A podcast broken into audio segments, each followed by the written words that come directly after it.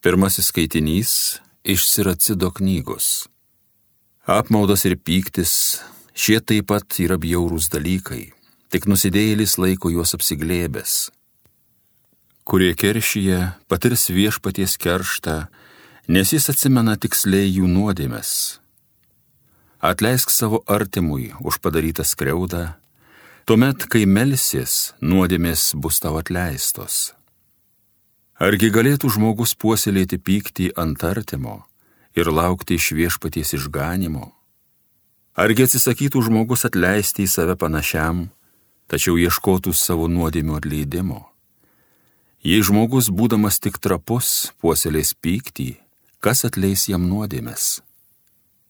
Atsimink savo paskutinės dienas, atmesk nesantaiką, atsimink mirtį bei supovimą ir būk ištikimas jo įsakymams. Atsimink įsakymus ir neširsk ant artimo, atsimink aukščiausiojo sandorą ir atleisk kaltę. Tai Dievo žodis.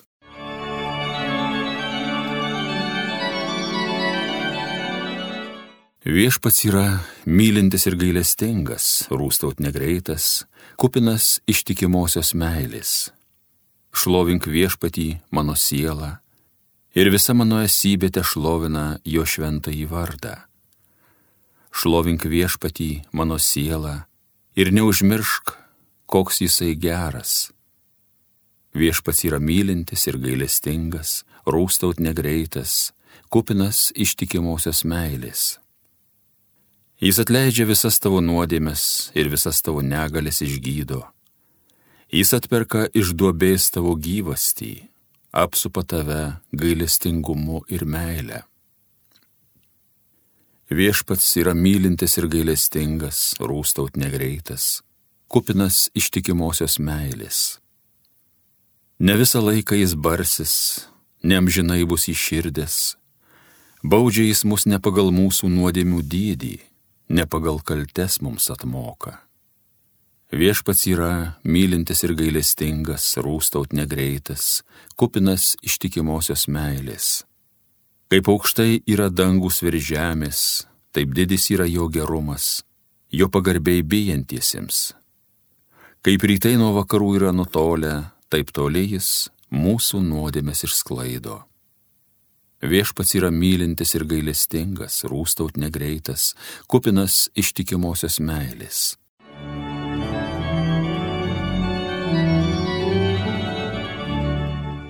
Antrasis skaitinys iš Šventojo apaštalo Pauliaus laiško romiečiams.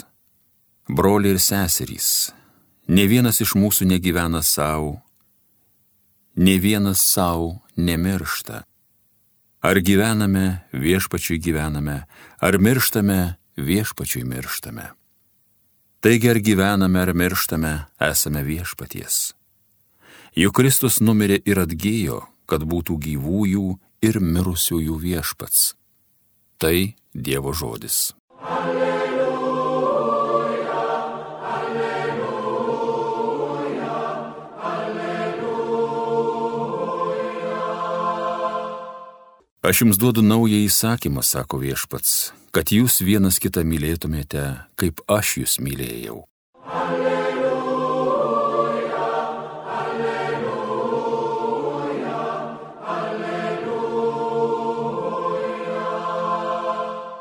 Pasiklausykite Šventojios Evangelijos pagal matą. Priejo prie Jėzaus Petras ir paklausė, viešpatie, kiek kartų aš turiu atleisti savo broliui, kai jis man nusikalsta, ar iki septynių kartų. Jėzus jam atsakė, aš nesakau tau iki septynių bet iki 77 kartų.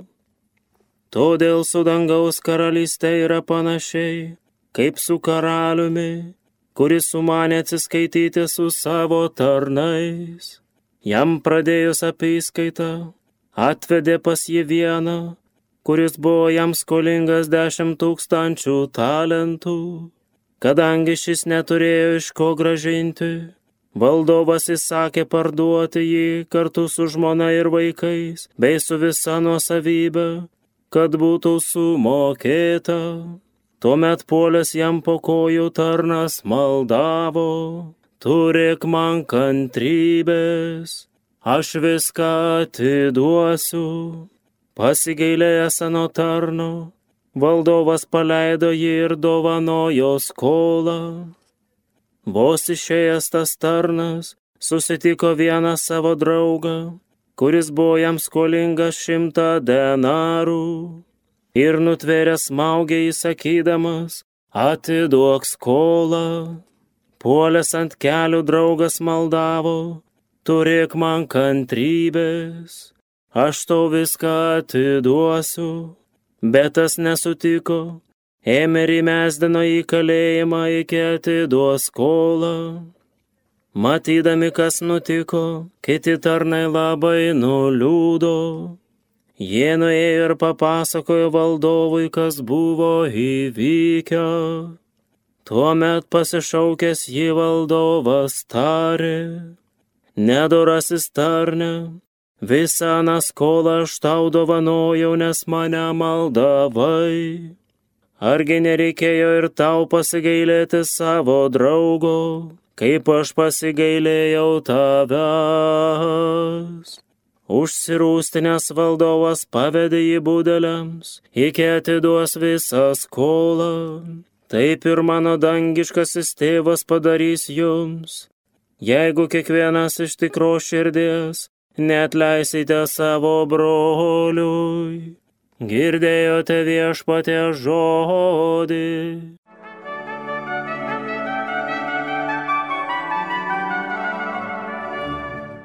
Mėly Marijos radio klausytojai, apie ką šiandien ypač turime susimastyti.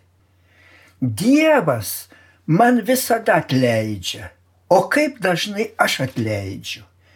Šiandien ypatingai to moko Dievas.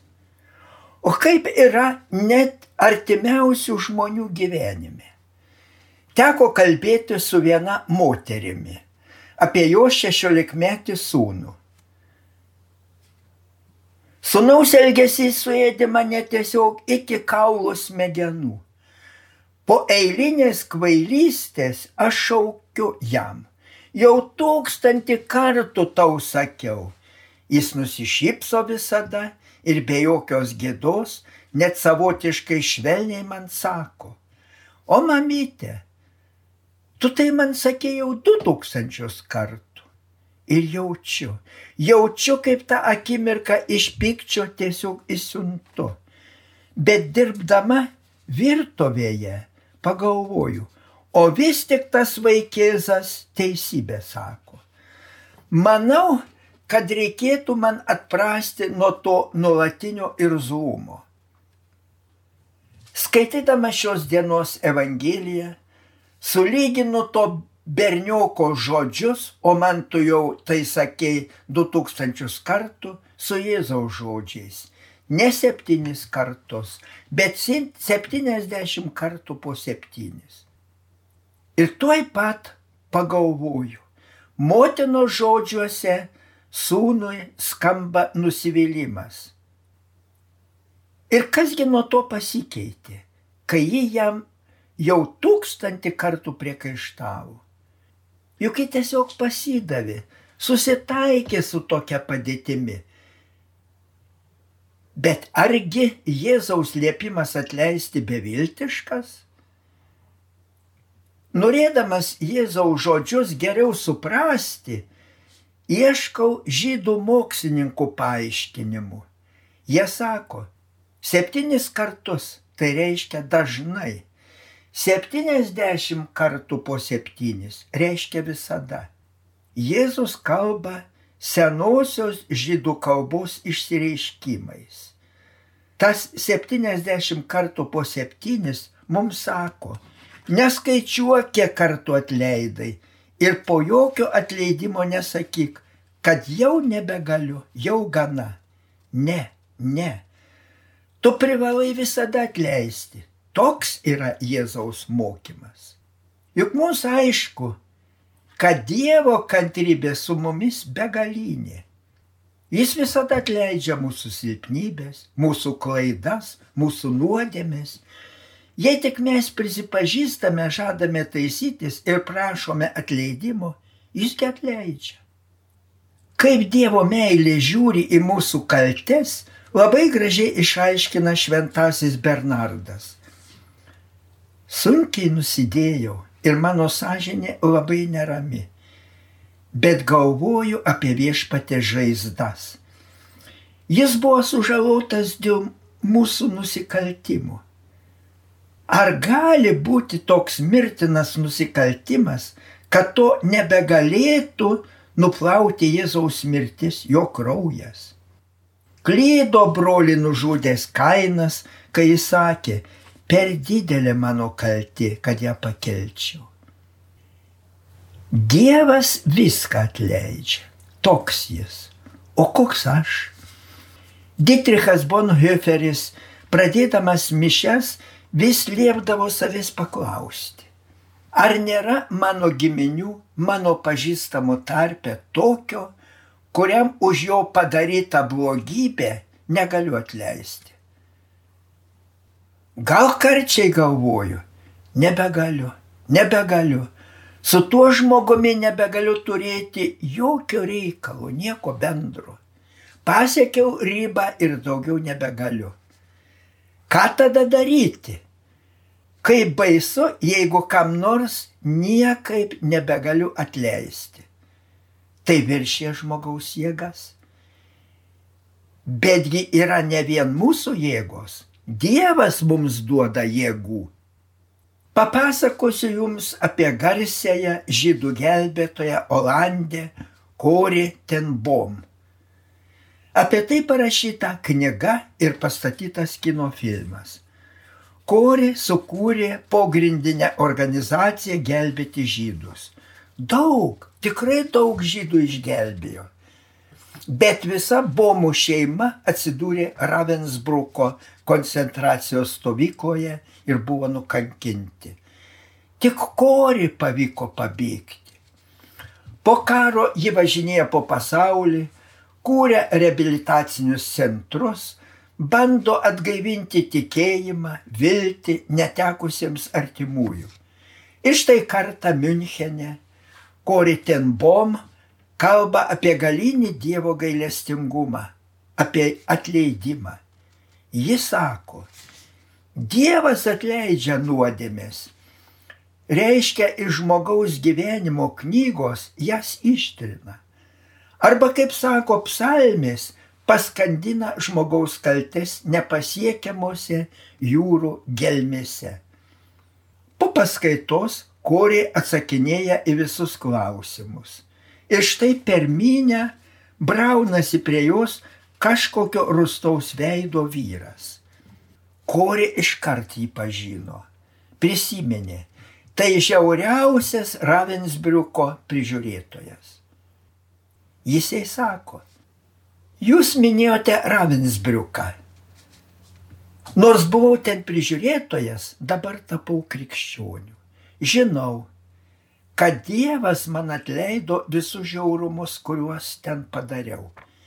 Bet dabar noriu išgirsti iš jūsų burnos ar galite man atleisti? Ir kori aprašo savo jausmus. Staiga prisiminiau savo seserį Besi.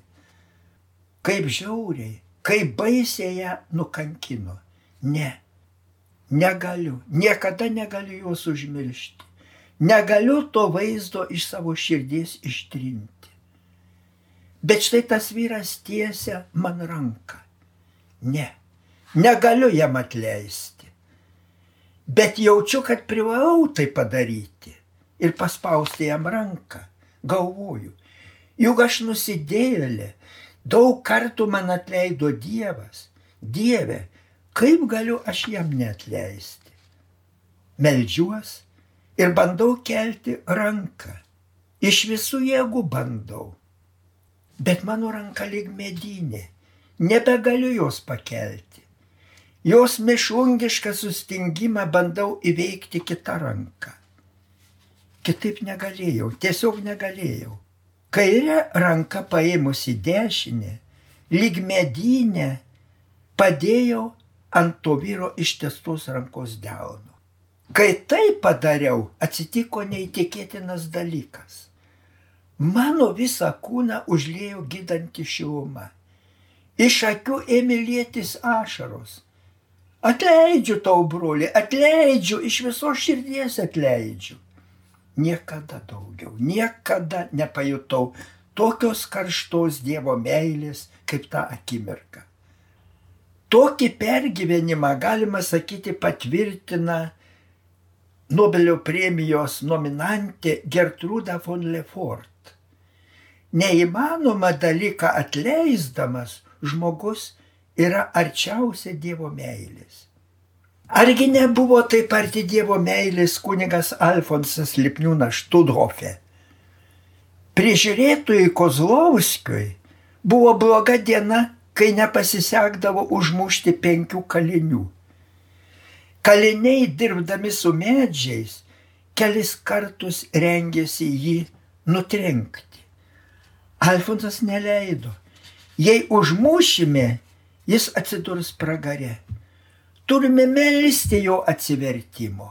Ir žinote, juk jūs gerai žinote, kad Kozlovskis atliko išpažinti būtent pas kuniga Alfonsą. Kai skaitau apie tokius atleidimus, susigėstu. O kaip aš atleidžiu? Dievas man vis atleidžia. Negi Dievas man vėl atleis, kai aš nebegaliu atleisti. Ar nesu tada tas tarnas, kuriam Jėzaus palyginime valdovas sako, nedurasis tarne, koks tu vargšas, Visą tavo skolą aš tau dovanojau, nes tu taip maldavai. Argi nereikėjo ir tau pasigailėti savo draugo, kaip aš pasigailėjau tavęs? Ir atidavė jį būdeliams. Taip ir mano dangiškasis tėvas padarys jums, jei iš tikro širdies net leisite savo broliui, pasakė Jėzus. Kyla klausimas, kodėl Dievas su tuo tarnu toks griežtas ir jam net leidžia. Negi ir pas Dievą yra riba, už kurios nebėra jo gailestingumo. Pažvelkime kiek atidžiau į tą tarną. Kai įsigiliname apie jo skolą, matome, kad jis šaltakraujį, savanaudis. Nors valdovas jį atleido nuo be galo didelės skolos, Iš kito jis žiauriausiai reikalauja mažytės skolos. Atrodo, tiesiog atrodo, kad jam nėra nei Dievo, nei sąžinės, tik jis vienas. Tokiame baisiame savanaudiškome Dievas nebegali jo pasiekti. Jis Dievo veikimo nebesileidžia. Tai ko gero yra ta vienintelė nuodėmė, kurios Dievas negali atleisti. Tai nuodėmė prieš šventąją dvasę. Kai žmogus nebepripažįsta Dievo meilės, Dievo gerumo, jis tiesiog suriša Dievo atleidžiančias rankas. Ir atvirkščiai. Kas su atgaila ir dėkingumu priima nuodėmių atleidimą iš Dievo ir pats atleidžia kitiems, yra kaip tas skolą dovanojantis valdovas. Jam Dievas sakys, matau tavo gerumą, matau ir tavo nuodėmės. Taip. Tu esi padaręs nuodėmę. Bet aš tau atleidžiu, nes tu atleidai. Amen.